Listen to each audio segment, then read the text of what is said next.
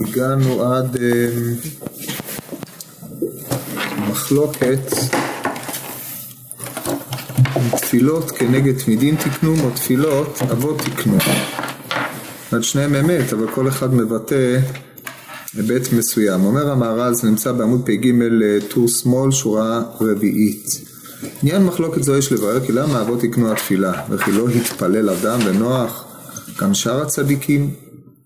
וכן מה שאמר כנגד תמידים תקנו, וכי לא התפללו עד אנשי כנסת הגדולה, ודבר זה אין לומר. אז יש פה שני, שתי שאלות. השאלה הראשונה, מה מייחד את האבות כמתקני תפילה לעומת מה שהיה עד זמנם של האבות? והשאלה השנייה היא, מה מייחד את התמידין לעומת uh, התפילות שהיו עד שתיקנו אנשי כנסת הגדולה כנגד התמידין? כבר ביארנו כי התפילה היא אל השם יתברך שצריך, שיה, שצריך האדם שהוא העלול פונה אל העילה ונתלה בו. לכך מתפלל אל העילה. הדבר זה מבואר. זה כבר הסברנו את זה כמה פעמים, אז אנחנו נניח את זה כיסוד מה שהולך אה, להתבאר כעת. וזה שאמר רב חנינא, סביות רבי יוסי בר חנינא, תפילות אבות תקנו. מפני כי האבות היו התחלה לכל העולם, שלכך נקראו אבות ולא הצדיקים הראשונים.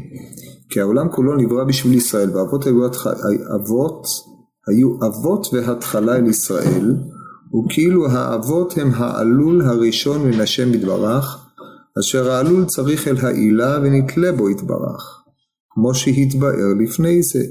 מפני כך האבות שהם ההתחלה תקנו התפילות. כי התפילה היא מה שמתחבר העלול אל העילה יתברך, והאבות הם העלול הראשון אשר יש לו צירוף אל השם יתברך. אז בזה הוא מתרץ את השאלה הראשונה, למה אנחנו דנים רק מתפילת האבות ולא דנים על התפילות קודם לכן? למה הראשונים עם צירוף אל השם? לא היה את נוח או אדם, גם הם צירוף אל השם. אז זה מה שאני הולך להסביר, למה רק, למה הפסקה הזאת אמורה לחלק בין תפילותיהם של נוח ואדם ושאר הצדיקים לבין תפילות האבות. כן, אז הטענה המרכזית שלו היא כיוון שהעולם נברא בשביל ישראל והאבות הם אה, אבות של ישראל אז עיקרה של התפילה מתייחסת לסיבה שבגללה נברא העולם. כדי להבין את הדבר הזה יותר, כבר אמרתי לכם שצריך לעיין בספר דרך השם, שמסביר מה קרה עד תקופתו של אברהם ומתקופתו של אברהם, ובגדול אנחנו רואים את העניין כך, אדם והוא הדין לנוח מבטאים את הבריאה לפי החוקיות הטבעית שיש בה, שיש בה מדרגות, יש, העולם הזה מתחלק לשלושה חלקים, יש לנו את העולם הזכלים, עולם מה שקרוי אצל הקדמונים עולם הגלגלים והעולם התחתון, ככה אבן עזרא מחלק אותם. בניסוח אחר אנחנו מדברים אצל המקובלים כעולם הבריאה, עולם היצירה ועולם העשייה, כאשר החלוקה היא עולם הבריאה זה עולם הכיסא, היינו כיסא כבודו יתברך, שזה תחילת הבריאה, לאחר מכן יש לנו את עולם היצירה שזה עולם המלאכים, ומשם ואילך זה העולם התחתון, שלפי הפרשנות הזאת כולל גם את כל מערכת השמיים. זה חילוק יותר פשוט בשבילנו כי אנחנו היום יודעים שמושג הגלגלים זה היה רק לפי התפיסה הפטולמאית, וליטא אין גלגלים ואין שום דבר כזה, היקום הוא כמו שתיארו אותו באסטרופיזיקה המודרנית ולכן החלוקה השנייה היא יותר אה, נוחה לנו. איך שלא נסתכל על זה, יש למעשה החלוקה הזאת אה, הראשונה, חלוקת האבן עזרא, אה, שמדברת על העולם השכלים, עולם הביניים שכמובן בנוי על אה, תפיסותיו האסטרולוגיות שהכוכבים משקפים את ההשפעה שבאה מן העולם העליון אל העולם הגשמי והעולם התחתון זה מערכת חוקית שהקדוש ברוך הוא ברא. הוא ברא, טבע את החוק הזה מקדמת דנא, מששת ימי בראשית, על כל החוקיות הטבעית והעל טבעית החקוקה בה.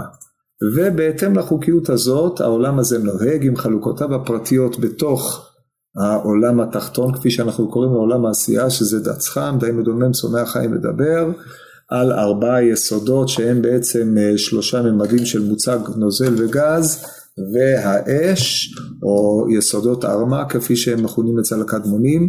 החוקיות הזאת היא חוקיות תבואה.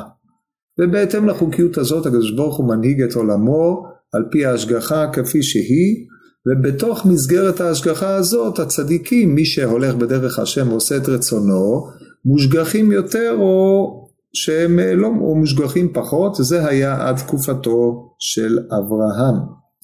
באברהם התחדש דבר, וזה מה שרמזתי לכם בפעם הקודמת במאמר חז"ל על הפסוק אלה תולדות שמיים וארץ בהיברעם, אותיות אברהם, שכביכול אברהם אבינו עליו השלום מחדש הנהגה אלוקית אחרת בעולם. מכאן ואילך הקדוש ברוך הוא אומנם בזמנו של אדם ובזמנו של נוח, אדם הייתה, היה דיבור של הקדוש ברוך הוא אל אדם הראשון, אבל הדיבור הזה היה בגן עדן. משעה שהאדם הושלך מגן עדן, אין דיבורים. הדיבור היחיד זה היה דיבור עם נוח. ומה הוא אומר לו? כי אותך מצאתי צדיק לפניי בדור הזה, אעשה לך תיבה, זהו, אין יותר דיבורים. הדבר האחרון שנוח עושה כפי שאנחנו רואים זה מקריב קורבן ועושה נחת רוח לפני השם ואז השם אומר להוסיף עוד לקלל את האדמה בעבור האדם כי יצר לב האדם רע מנעוריו זה שבועתו של הקדוש ברוך הוא כן היא נמסרת בתורה היא לא נאמרת ישירות לנוח וזה סוף הדיבור שבין אלוקים לבני אדם. זאת אומרת הדיבור שבגן עדן הוא לא בכלל הפרשה אבל משעה שהאדם הראשון, אה, כי זה היה עדיין בעולם הבריאה, או זה עדיין לפני גמר ששת ימי בראשית, אבל משעה שמתחילים ימי העולם ההוויה כפי שקראו לו, אין שיח אלוקי חוץ מאותה נקודה, ואם אנחנו חושבים על זה, אנחנו יכולים לראות שנוח, הדיבור של הקדוש ברוך הוא לנוח, הוא מקביל לדיבור טרום בריאה, מפני שאחרי שהעולם כולו נחרב, הבריאה מתחילה שוב בפרק ח' בבראשית בשעה שנוח יוצא מן התיבה, ומשם ואילך מתחילה הבריאה החדשה. עד אז כל מה שהיה נמחק. אם כן, נוח נושא מטען של מה שהיה טרום הבריאה, מבחינת מה שכתוב במדרש של רבי אבר בורא עולמות ומחריבן, הרי שהעולם כפי שהוא מתחיל מזמנו של נוח. אין דיבור אלוקי. הדיבור האלוקי הראשון זה לאברהם אבינו לך לך מארצך ממולדתך מבית אביך ופה הדיבור הזה הוא עניין שבו הקדוש ברוך הוא משגיח על אברהם אבינו כדי לגדל אומה שמכאן ואילך היא תהיה נושאת שם השם בעולם. לכן מבחינה זו לא יפלא שחז"ל ראו באברהם אבינו את בחינת האדם הגדול בענקים שהוא פותח מערך חדש ותפיסה אחרת לחלוטין של התלות של הבריאה בבוראה, שזה בחינתו של העלול התלוי בעילתו עד כדי כך שכמו שדרשו חז"ל בפסוק באתי לגני אחותי כלה לגני שהיה מעיקר הבן בזמנו של גן עדן שאברהם אבינו הוריד את השכינה במהלכת עד שבא משה רבינו עליו השלום והוריד את זה לארץ ואז זה נסתלק לא נסתלק עיקרו של דבר הנהגת השכינה או נוכחות אלוקית שמתגלה בארץ על ידי הדיבור עם, עם שלוחיו, עם אברהם אבינו, עם שאר האנשים שהולכים ויוצרים אומה, זה גילוי של תלות העלול בעילה באופן אחר לחלוטין ממה שהיה קודם, לכן שהיא על פי מערך חוקי גריידא. בהקשר הזה העולם הזה מקבל משמעות, מקבל יעד, עד, עד זמנו של נוח ועד בכלל, אך בני נוח אין לעולם הזה יעד מוגדר, כמו שאצל הפילוסופים אין לעולם תכלית. כי גם אין לו התחלה, אין לו סוף, אבל כל פנים על ההתחלה אף אחד לא היה שם כדי להגיד כן או לא, אבל לגבי הסוף מבחינת התפיסה הפילוסופית אין לעולם תכלית, למעט uh, קריאות uh, קטסטרופליות של איזה ספר, או כמו שיצאו באחרונה כמה ספרים שעוסקים בשאלת סוף העולם ב-10 בחזקת 28 שנים, שאז העולם יחרב, כן, לא, באופנים האלה, או אנשים שמהלכים אימים על הבריות באיזה קטסטרופה זו או אחרת, אבל מבחינת המגמה האנושית, העולם לא שואף לשום יעד, רק הישרדות או קיום, מימוש היכולות האנושיים שמגיעים לאיזושהי פסגה מסוימת, באה רוח עוברת על הבריות שמחריבה ומתחילה הכל מחדש, כמו הנבואה של איינשטיין שאחרי מלחמת העולם השלישית יילחמו באבנים ומקלות, כן? שזה בעצם אה, ראייה די פסימית על החיים. אנחנו, אברהם, עם ישראל, לא מאמין בדברים האלה. מבחינה זו, התורה והמצוות שעם ישראל אמור אה, לקיים, הם להוליך קו של גאולה של העולם בכלל, והמשכת שכינה לתוך הארץ. וקידום של המין האנושי בכלל עד מיצוי יכולותיו ברמה היותר גבוהה, משם ואילך מי ישורנו, כמו שכתוב אלפי שנינא בעלמא וחד חרוב, ומה קורה אחרי זה, אף אחד לא חזר משם לומר לנו, אבל יש מחלוקת בין הרמב"ן לרמב"ם בעניינים האלה, שזה במופלא ממך אל תדרוש, אבל על כל פנים זה ודאי קידום מעבר למה שאנחנו נמצאים בו היום מבחינה רוחנית, כן? אם חוקי הטבע השתנו או לא בזה נחלקו, אבל מבחינת מעלתו של האדם, האדם הוא ודאי הולך ועולה.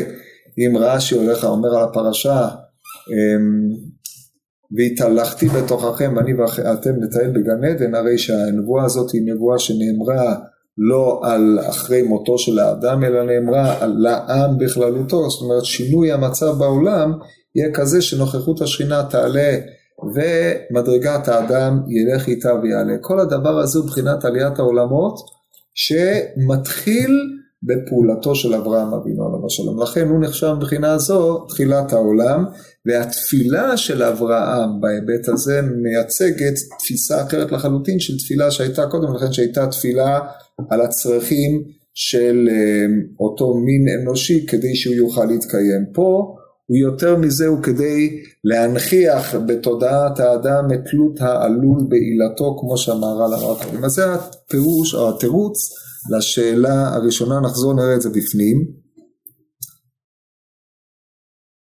כותב המהר"ל, ולכן אני מתפלל על דבר סנבואה, וזה שאמר רבי יוסף ברחמיה תפילות אבות קידום, מפני כי האבות היו התחלה לכל העולם. זאת אומרת, העולם שהם היו לו ההתחלה, זה העולם שבו שכינה נוכחת, והעולם הזה שהולך ומתקדם למימוש היעד שלו. שלכך נקראו אבות ולא הצדיקים הראשונים. הצדיק עושה את מה שמחויב על פי חוק, אבל האב לעם הוא יוצר עם חדש בבחינת עמזו יצרתי לי תהילתי יספרו, היצירה הראשונה היא מתחילה באבות. זה קשור לזה שבדרך השם מתוארים שתי, שתי תנועות מלמעלה למטה ומלמטה למעלה, אז אולי הם התחילו את ה... או שהתנועות האלה היו תמיד. עד האבות גם היו שתי, קיימות שתי התנועות האלה? שם טוען, לפי מה שזכור לי, שהכל היה פתוח. נתנו להם הזדמנות, בזמן האבות נסגר הסיפור. אבל אה, הרעיון כפי שעולה זה רעיון די ברור, כמו שתיארתי אותו זה מספיק כדי להבין את הקביעה שהוא אומר פה, כי העולם כולו נברא בשביל ישראל והאבות היו אבות והתחלה אל ישראל. ואת העולם כולו נברא בשביל ישראל, זה התכלית שיש לה בריאה, כן, בשביל ישראל, כי הרי עם ישראל מגלם בקיום תורתו, בקיום התורה, בקיום המצוות, לפי המצב האידיאלי התכליתי שהוא בבחינת ימות המשיח את הנוכחות האלוקית בעולם שבה העולם הולך ומתעלה. אז לכן הוא כותב שמבחינה זו כאילו האבות הם העלול הראשון מן השם יתברך אשר עלול צריך אל העילה ונתלה בו יתברך כמו שהתבהר לפני זה. צריכות העלול אל העילה זה מורה על תלות מוחלטת של העולם בבוראו. עכשיו התלות המוחלטת הזאת מגולמת בזה שהעלול עצמו כל מעשיו הם גילוי רצונו של העילה. ואז זה עצמו הנכחת העילה, כדי לקרב את הדברים האלה לשכל. אמ, ומפני כך האבות שהם התחלה תקנו התפילות. כי התפילה היא מה שמתחבר העלול אל העילה יתברך. והאבות הם העלול הראשון אשר יש לו צירוף אל השם יתברך. זאת אומרת, הצירוף אל השם יתברך זה מבחינת מה שכתוב, וראו כל עמי הארץ כי שם השם נקרא עליך ויראו ממך. זה הצירוף. צירוף כזה לא היה קודם לכן. שם השם נקרא עליך, זה החידוש הגדול, ויקרא שם אברהם בשם השם, אה, ויקרא בשם, אל, שם אל, אל, איך כתוב? שם השם אל עולם, כן. זה הצירוף, לא היה אף אחד שעשה את זה קודם לכן. לכן התפילה, כשאומר תפילות אבות תקנום, זה לא רק אה, לבקש על הצרכים, אלא זה הקונספט של אה, תלות העלול בעילתו, או הנכחת המיהוג של העלול מושך איתו את נוכחות העילה. זה תקנה, זה משמעות התפילה כפי שהאבות ראו בה. עכשיו, עובר המהר"ל להסביר מה בין אברהם, יצחק ויעקב מבחינת תקנת התפילה, זה תיקן שחרית, זה מנחה וערבית. אומר המהר"ל, וכל אחד תיקן כפי מידתו, אברהם תיקן תפילת שחרית בהתחלת היום, פה יש קטע קשה. כי היה אברהם התחלה באבות, והיה דומה אברהם בשחרית, שהוא התחלת היום, והוא התברך התחלה אל העולם. ותיקן יצחק תפילת מנחה שהוא אחר חצות היום והוא השלמת העולם בדבר זה ידוע לחכמי האמת. ויעקב שהיה אחר כך תיקן תפילת ערבית שהיא באחרונה וגם הוא כפי מידתו של יעקב.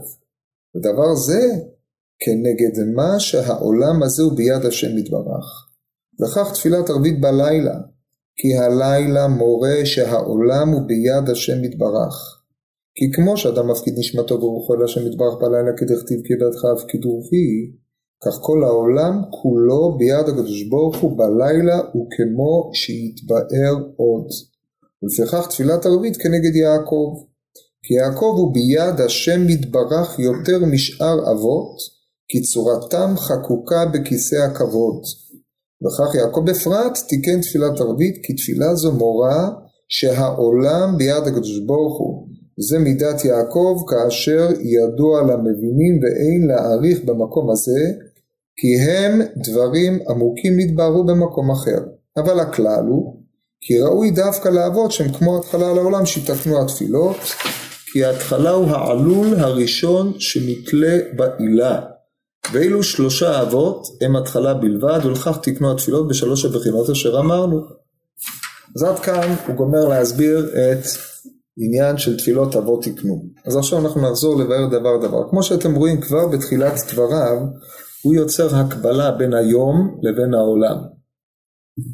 אנחנו יודעים בספר היצירה יש מה שקרוי עולם שנה נפש, לנו הקבלה בין מימד הזמן, מימד המקום והנפש. העולם בכללותו, אמ, בזעיר אנפין אנחנו יכולים לדבר על יום שהוא אמ, יש בו מלאות חיים, כמו שאנחנו יכולים לדבר על העולם שהוא שיטה אלפי שנים, אנחנו, אנחנו מדברים בזר אנפין על היום. עכשיו הקדוש ברוך הוא התחלה אל העולם, גם התחלה אל היום. האבות הם התחלה אל האומה בכללותה, לכן מה שהאבות מתקנים זה משקף את מה ש... נכון לכלל האומה אחר כך. עכשיו נבוא להסביר בפרטות כל דבר ודבר. כל אחד תיקן כפי מידתו, אברהם תיקן תפילת שחרית בהתחלת היום, כי היה אברהם התחלה באבות. והיה דומה אברהם לשחרית שהוא התחלת היום, והוא התברך התחלה אל העולם. אז יש לנו שלושה אבות, אברהם ויצחק משקפים שני צדדים ביום, ויצחק ויעקב את הלילה. סתם מבנה השלם. כמו שראיתם בהמשך. אברהם את ההתחלה שבאבות, יצחק את ההשלמה שבאבות, ויעקב את הלילה. בדרך כלל אנחנו אה, מקובלים שאברהם הוא בחינת צד ימין, מידת החסד, יצחק הוא צד שמאל, מידת הגבורה, ויעקב המיזוג, המיצוע ביניהם, שזה מידת התפארת, שהיא ממצעת את שתי המידות הללו, אבל פה המהר"ן לוקט אופן אחר לחלוטין, מאחר שאי אפשר לראות את ה... מידה של יעקב בהקשר הזה כנמצאת בין אברהם לבין יצחק או כצירוף של אברהם ויצחק שידוע הלילה הוא היעדר היום והוא איננו צירוף של שתי בחינות שביום. לכן המהר"ל חייב לקחת מערכת דימויים אחרת לחלוטין זה נקודת המוצא שלו. אז הוא לוקח את נקודת תפיסת היום.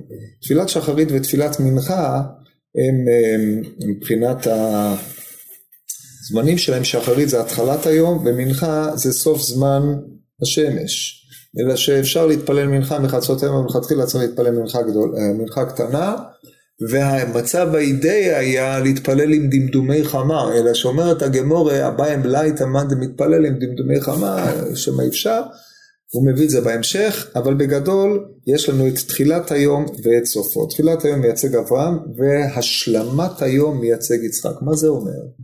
מה זה אומר לענייננו? שתי האבות, שני האבות הללו מייצגים, באשר הם שני אבות, כל אב מייצג היבט אחר. מצד אחד צריך להיות אה, היבט שאיננו כלול בקודם, מפני שאחרת הוא לא היה חולק לעצמו שם אב, אבל מצד שני, כיוון שיש סדר באבות, האב השני לא יכול לבוא לפני האב הראשון. אשר על אברהם אבינו עליו השלום מייצג את תחילת היום. היום, בהקשר הזה, הוא תחילת ההופעה האלוקית בעולם. ההופעה האלוקית הנעשית על ידי האדם. אברהם אבינו, מה שנתייחד בו, זה שהוא מתחיל להראות את אמ, דרך השם, בדפוסי ההתנהגות שלו, כי דעתיו למען אשר יצווה את בניו ואת ביתו אחריו ושמעו דרך השם לעשות צדקה ומשפט. אשר על כן אצל אברהם אבינו דרך השם זה תחילת דפוס התנהגות שהייתה שונה לחלוטין ממערך דפוסי ההתנהגות קודם לכן. לכן אברהם עומד ומתפלל להשם על אה, ואברהם עודנו עומד לפני השם ויגש השם ויגש אברהם ויאמר רעב תספה צדיק עם רשע וכל הנאום ששם על, על העומד עודנו עומד לפני השם חז"ל ייסדו את המקור שאברהם התפלל תפילת השחרית, שחרית כמו שכתוב, למקום אשר עמד שם, והמקום שעמד שם זה התפילה שלו על אה, אה, חורבן סדום. האחריות של האדם והשותפות של האדם בהנהגה האלוקית, זה שהוא בא בחשבון עם הקדוש ברוך הוא, השופט כל הארץ לא יעשה משפט, זה תחילת הגילוי של העלול התלוי בעילתו, מפני שאחרי ככלות הכל זה רצון השם, שהאדם יעשה צדק ידעתיו למען אשר יצווה את בניו וביתו לעשות צדקה ומשפט. זה אברהם אבינו. הוא מתחיל בפעולות האנושיות את אותו גילוי רצון אלוקי.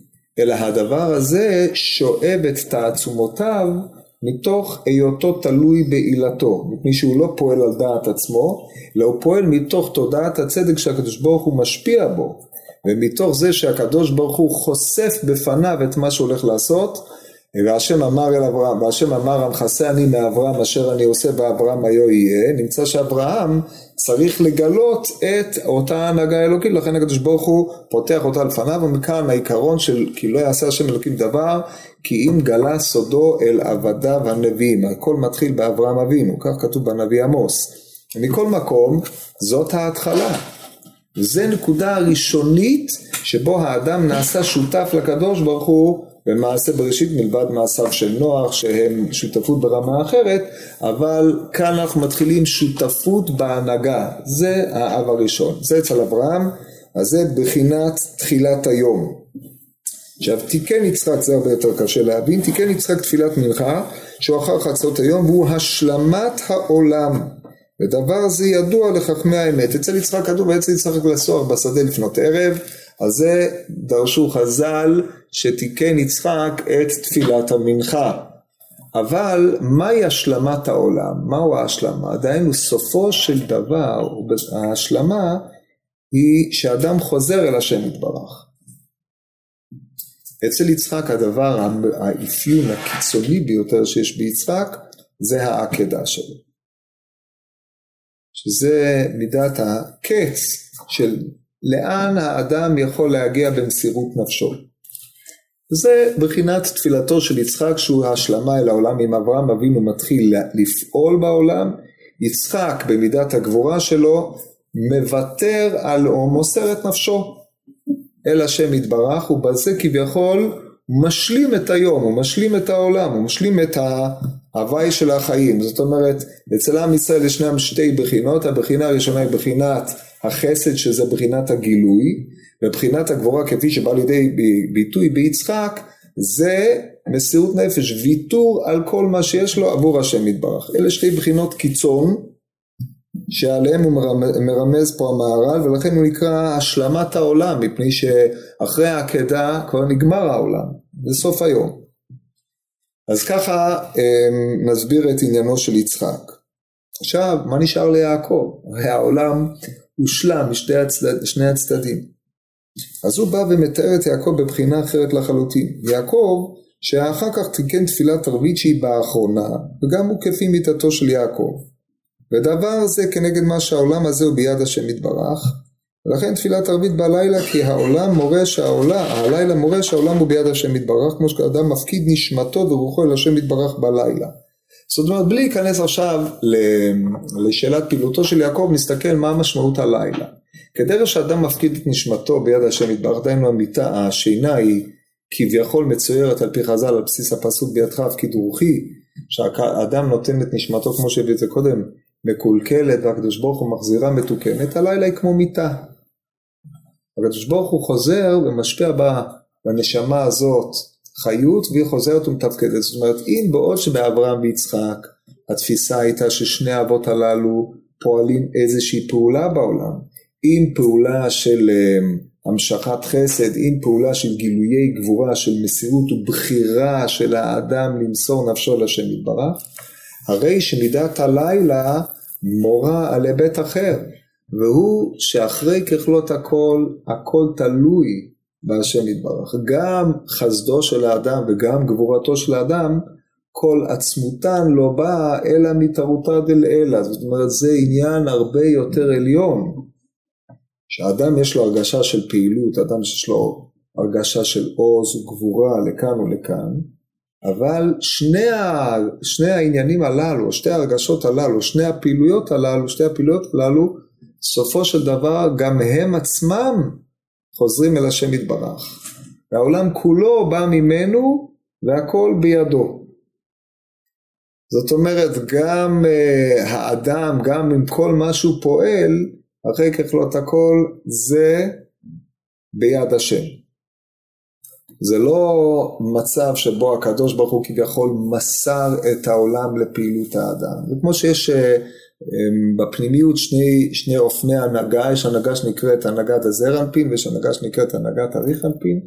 והנהגה בווריאציות אלה ואחרות, האחת היא הנהגה שבו הקדוש ברוך הוא נותן לאדם לפעול, ויש הנהגה שבו אין, לא משנה, הכל חוזר, הקדוש ברוך הוא עושה כפי רצונו וזה לא תלוי באדם בכלל. לכן יש לנו um, מצבים שכביכול נעלמת הבחירה. הרמב"ם פירוש המשנה בפרק ט' מסכת ברכות על דברי רב נתן, כתוב עת לעשות להשם הפרו תורתך, רב נתן אומר הפרו תורתך עת לעשות להשם. שמעתם על המשנה הזאת? כותב הרמב"ם שם דברים מפליאים ביותר בענייני הבחירה. הוא אומר שלפעמים כשעת לעשות להשם, אז הוא גורם שיפרו תורה. ועל ידי שהם מפרים תורה, שוב אין להם זכות. ברגע שאין זכות, אז העת הזאת לעשות, דהיינו להביא איזושהי פורענות או דברים כאלה, אז היא באה. ושם הוא מרמז על תקשה על הבחירה החופשית, כי יש גבול. גם לבחירה הזאת. הוא לא מפרט יותר מדי, הוא אומר זה דבר ידוע שזה לא סותר את הבחירה החופשית, כדבר ידוע אצל הפילוסופים וכולי וכולי. מה מונח שם ביסודם של דברים לענייננו? שעם כל השאלה של שקיפות ההנהגה האלוקית, כפי שהוא מגלה סודו אל אברהם הנביאים, אל עבדיו הנביאים, הרי גם מגיע מצב שבו הוא לא מגלה. מעל טעם ודעת, ואנחנו איננו יכולים להשיג את הדבר הזה. ההנהגה הזאת היא חורגת מתפיסת מה שקרוי עולם היצירה, דהיינו העולם המונהג על ידי מלאכיו, והיא חוזרת לשורש של הבריאה שהוא נקרא עולם הכיסא. וזה שם מידה הרבה יותר עליונה.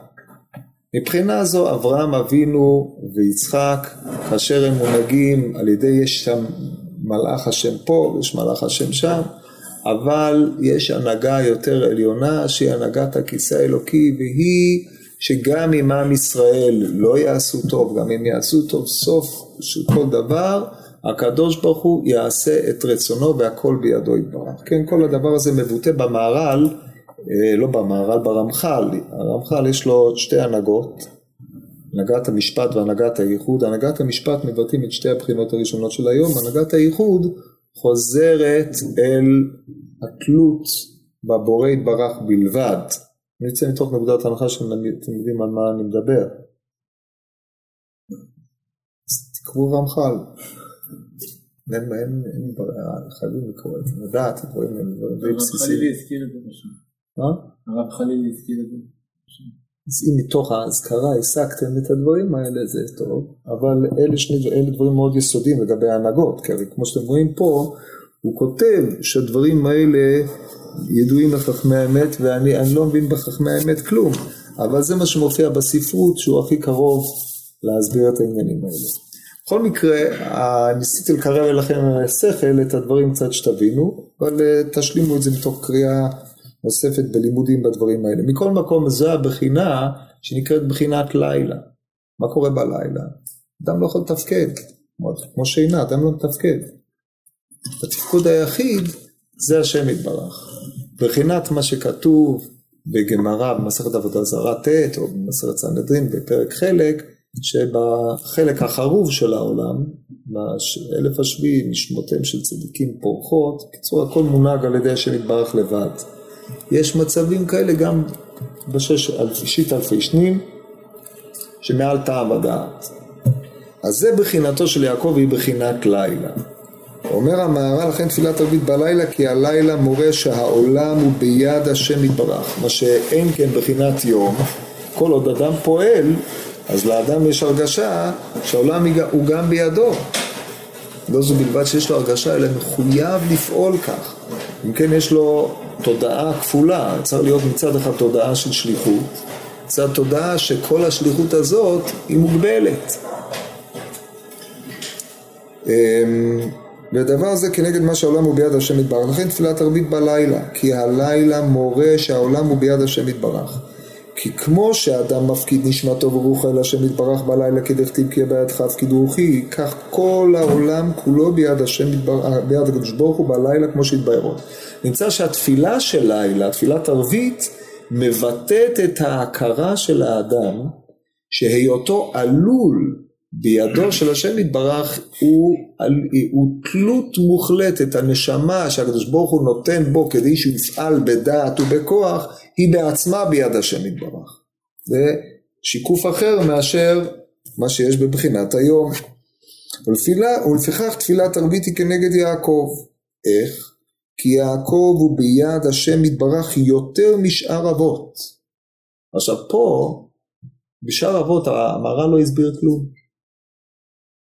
פה המהר"ל מסביר, כי אם היינו נזקקים לתיאורים המקראיים כדי לדעת למה יעקב הוא ביד השם יתברך יותר משאר אבות, זה אדרבה, נראה שיעקב הוא הפעיל שבאבות. יש הכי הרבה סיפורים עליו, הכי הרבה מעשים. יותר פעיל, פחות פעיל, נכנס למצב של אבלות ועוד כל מיני עניינים כאלה. אבל על כל פנים אנחנו רואים את יעקב בפעילותו המלאה, המהר"ל לא רוצה להתייחס לזה בכלל. כי הרי זה כולו בחינת יום, אי אפשר לדון ממעשיו של יעקב אבינו עליו השלום על בחינת לילה, זה תרתי דה סתרי, כמו שהסברתי כבר סתרי, אבל זה לא עולה בקנה אחד. מובן מה שאני טוען? השם אמר יעקב משל לרדת למצרים ו...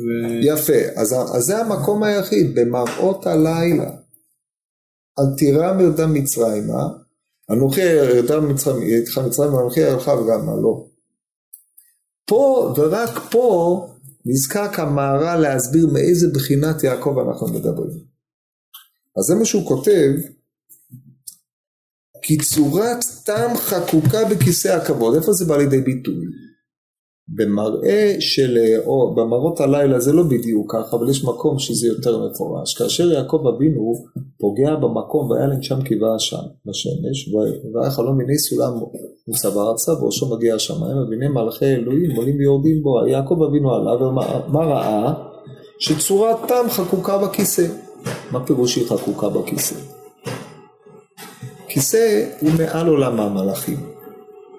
יש את העולם הטבעי, מה שקראנו עולם העשייה, שעולם היצירה, יש עולם הכיסא, שזה עולם של ההנהגה האלוקית בלבד, שלפעמים היא מתגלה, ואז שום דבר לא מתנהל לפי המלאכים, שהוא בבחינת מה שקרוי שידוד מערכות, ודאי ודאי לא לפי חוקי הטבע, אלא לפי הנהגה אלוקית פלאית. דוגמה מעניינת לדבר הזה היא גמרא במסכת שבת פ"ח, בשעה שעלה משה למרום, אמרו מלאכי השרת מה לילוד אישה בינינו. עכשיו יש תיאורים מרחיקי לכת, ממש מופלגים מאוד, במדרשים מאוחרים, איזה מלאכים הוא פוגש בדרך, פוגש את המלאך הזה, פוגש את המלאך הזה, הם רוצים לשרוף אותו. הגמרא בדברי רבי בן לוי, כל שאלת המלאכים הללו לא באה לידי ביטוי, בא בקצרה, אומר לקדוש ברוך הוא, אחוז בכיסא כבודי ואחזר להם תשובה. למה? אז כתוב, מביאים את הפסוק בספר איוב, מאחז פני כיסא פרשז עליו עננו, מלמד אמר תנחו, מלמד שפרס הקדוש ברוך הוא מזיו שכינתו ועננו עליו. אחיזה בכיסא היא עליונה יותר מהנהגת המלאכים. ופה ראו המפרשים את אה, מדרגתן של ישראל שהיא עליונה ממדרגתם של מלאכים, כידוע לכם או לא, יש מחלוקת גדולה בין הקדמונים, מדרגת מי גדולה ממי, אבל כבר דיבר על זה הנפש החיים בתחילתו, בספר בהתחלה, אבן עזרא, הרמב"ם המורה, ועוד, נשמתן של ישראל שורשה בכיסא הכבוד. זאת אומרת, לענייננו, ההנהגה האלוקית של כללות העולם היא לפי נשמותיהם של ישראל. או בניסוח יותר קיצוני, נשמותיהם של ישראל הם שסופם להוציא את ההנהגה האלוקית מן הכוח אל הפועל, וכדברי רש"י על הפסוק, כעת יאמר ליעקב ולישראל מה פעל אל. כותב רש"י במקום, אתם יודעים מה כותב רש"י? לא יודעים. אתם חייבים ללמוד רש"י, חומש רש"י. פעם היו בוחנים בזה בכניסה לישיבה, אני לא יודע מה קורה היום, פעם בוחנים שדע חומש רש"י. זה חובה, כן? לפני שאתם קוראים כל מיני ספרות לפה לפה, אבל זה לדעת חומש רש"י תרגו, גמרא, קצת משניות והלכה קצת, ואז תקראו את כל ה... קיצור אומר רש"י שם, כעת יאמר ליעקב וישראל מה פעל אל, עתידים מלאכי השרת לשאול את ישראל מה פעל אל כי מחיצתם לפנים ממחיצתם. זה מרמז לעניין הזה. זה כבר עולם שהוא עולם ההנהגה האלוקית, שזה עולם הכיסא. לכן דמותו של יעקב חקוקה בכיסא, פירושו של דבר שהעולם העתידי כביכול, התכלית, היא בנויה לפי מידת יעקב. בעוד שהעולם הנגלה, העולם המלאכים, העולם שזה בחינת אל שדי או בחינת עולם העשייה, שם מתגלה שם אלוקים, זה עדיין במידתם של אברהם אבינו ויצחק, שממשיכים את ההנהגה האלוקית אל תוך העולם. פה הנהגה האלוקית היא גם בחשיכה הגמורה, גם בבחינת לילה, שכל העולם כולו תלוי בהשם יתברך, תלות אמיתית. וזה המשמעות של תפילת ערבית, לפי דרכו. כן, זה מה שהוא אומר. יעקב ביד השם יתברך יותר משאר אבות, כי צורת תם חקוקה בכיסא הכבוד, לכן יעקב בפרט תיקן תפילת ערבית. זאת אומרת, יותר בעומק מזה. יעקב, אברהם ויצחק מייצגים את המצב שבו עם ישראל פועל את הפעולה בתור עם בריא. בתקוף אברהם וגם יצחק ומסירות הנפש בתורת בחירה, הם מייצגים מצב של יום שבו העם יושב ושולט בארצו. יעקב אבינו הוא בחינת הגלות.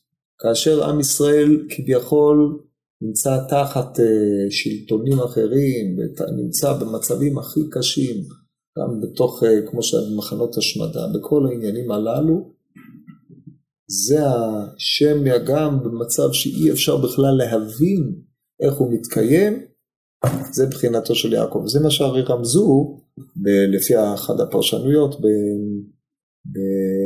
בסולם יעקב, מלכו, אומר הרמב"ם, מלכויות ושיעבודן. במורה נבוכים באלף ט"ו הוא מסביר את זה קצת יותר, יש כמה וכמה משלים בעניין הזה, וגם כאשר עם ישראל נמצא בלילה הגמור, בחושר ובשיא הגלות, שזה קרוב ליעקב במראות הלילה, גם אז הוא מתקיים. ההתקיימות שלו היא פלאית, היא לא בדרך הטבע בכלל. טוב, אז זה הבחינה השלישית, לכן יעקב בפרט תיקן תפילת ערבית, כי גם תפילת ערבית מורה על תפילת הלילה, הגלות, ולכן יעקב בפרט תיקן תפילת ערבית, כי תפילה זו מורה שהעולם ביד הקדוש ברוך הוא. צריך לסיים פה, רק לסיים את הפסקה הזאת, וזהו מידת יעקב כאשר ידוע למבינים. זאת אומרת מידת יעקב שהיא מורה על לילה, על גלות, על אה, מלכויות ושעבודן כמו שתיארתי. ואין להעריך במקום הזה כי הם דברים עמוקים מתבררו במקום אחר. אבל הכלל הוא כי ראוי דווקא לאבות שהם כמו התחלה לעולם שיתקנו התפילות. זאת אומרת האבות שהם התחלה לעולם גם הם מורים על תכונות שונות שיש בעם ישראל במערך הפעילות שלהם. עם ישראל הפועל במידת חסדו בצורה גלויה, מבחינת אברהם. עם ישראל שמוסר נפשו להשם יתברך על uh, עקרונותיו, זה מידת יצחק, ועם ישראל כאשר הוא נתון בגלות גמורה ובשעבודים כאילו אין לו קיום בכלל, הוא מקוים ברמה שהיא ממש שואבת את תעצומותיה מהכיסא, זה מידתו של יעקב, כי ההתחלה הוא העלול הראשון שנתלה בעילה, ואלו שלושה אבות הם התחלה בלבד. לכן תקנו התפילות בשלוש בחינות אשר אמרנו, ודבר זה המצווה בעצמה. עכשיו, איך זה בא לידי ביטוי? להתפלל עם הנצח חמה, כדי אמין הפרקה מדברכות. מרבי יוחנן הוותיקים היו גומרים אותם מהנצח חמה כדי לסמוך גאולה על תפילה ונמצא מתפלל ביום. רב זירא אמר מיקרא יראוך עם שמש, שזה תפילת שחרית, ולפני הריח דור דורים. תראו זה כי הנצח אמר הוא התחלת היום הוא זמן תפילה. שאדם הוא עלול מדבק בעילתו השם יתברך, שהוא התחלתו. זאת אומרת כמו שהתחלת העולם או התחלת היום היא בנץ, כך תחילתו של האדם הוא מדבק בעילתו עם הכוחות שניתנים בו כדי לפעול ואת כוחות היום התחיליים שואל מהשם יתברך. זה תחילת הפעילות, וכן תפילת מנחה עם דמדומי חמה, דהיינו השלמתם, כמו שהתבהר. הנה כי השם יתברך הוא השלמתו של האדם, כי סופו של האדם חוזר אליו יתברך, ולכן התפילה אלא בזמן מנחה שהוא השלמת היום, כמו שהוא יתברך, השלמת העולם, אחר כך תפילת רבית שבלילה, שאז נחשב שהעולם הוא ביד השם יתברך, לכן התפילה ראוי בלילה, אין להעריך בזה שאמר תפילות אבות יקנום כי הם דברים עמוקים. זה ההיבט הראשון.